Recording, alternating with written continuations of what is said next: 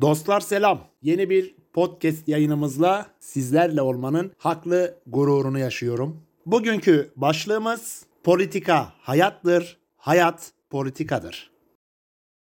Türk gençliğinde özellikle şu son 10 yılda politikaya karşı bir soğuma, bir ilgisizlik seziyorum. Özellikle Z kuşağı dediğimiz kuşak politikaya karşı ön yargı beslemeye başladı. Tabii gençlerin ihtiyaçlarına cevap veremeyen, onların dilinden anlayamayan, tabiri caizse politikacı amcalar gençlere beklenilen karizmayı sunamadılar. Sunamamaya da devam ediyorlar. 60 yaşını devirmiş bir politikacının 18 yaşındaki bir genci anlamasını bekleyemeyiz. Çünkü arada neredeyse iki kuşak fark var.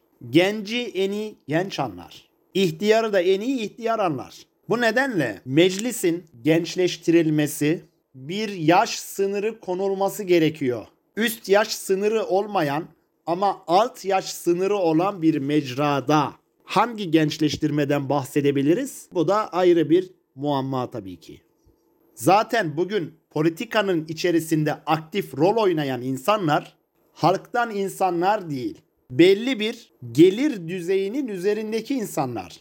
E şimdi ayda 5500 liraya evini geçindirmek durumunda olan bir vatandaşı ayda 56 bin lira maaş alan bir milletvekili anlayabilir mi?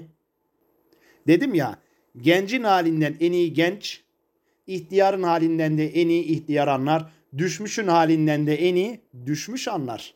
Bugün meclisin kapısında Türkiye Büyük Millet Meclisi yazmaktadır doğru mu?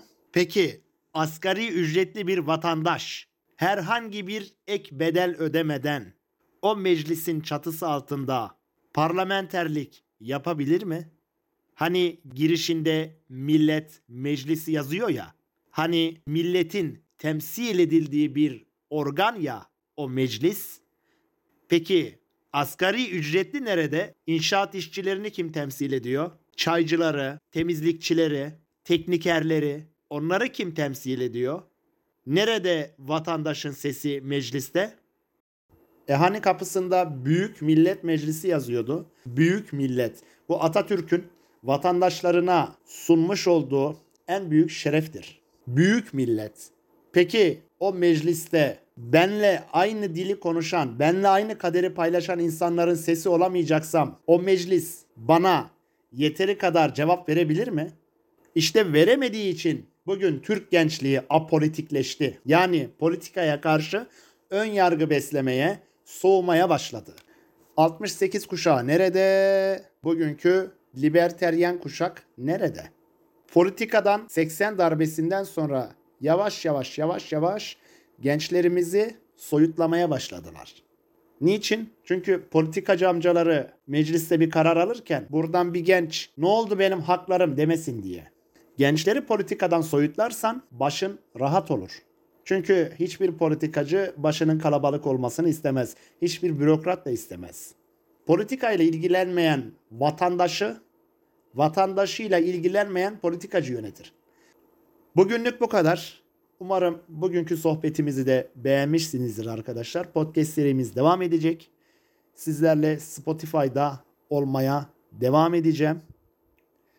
Görüşürüz. Hoşça kalın efendim.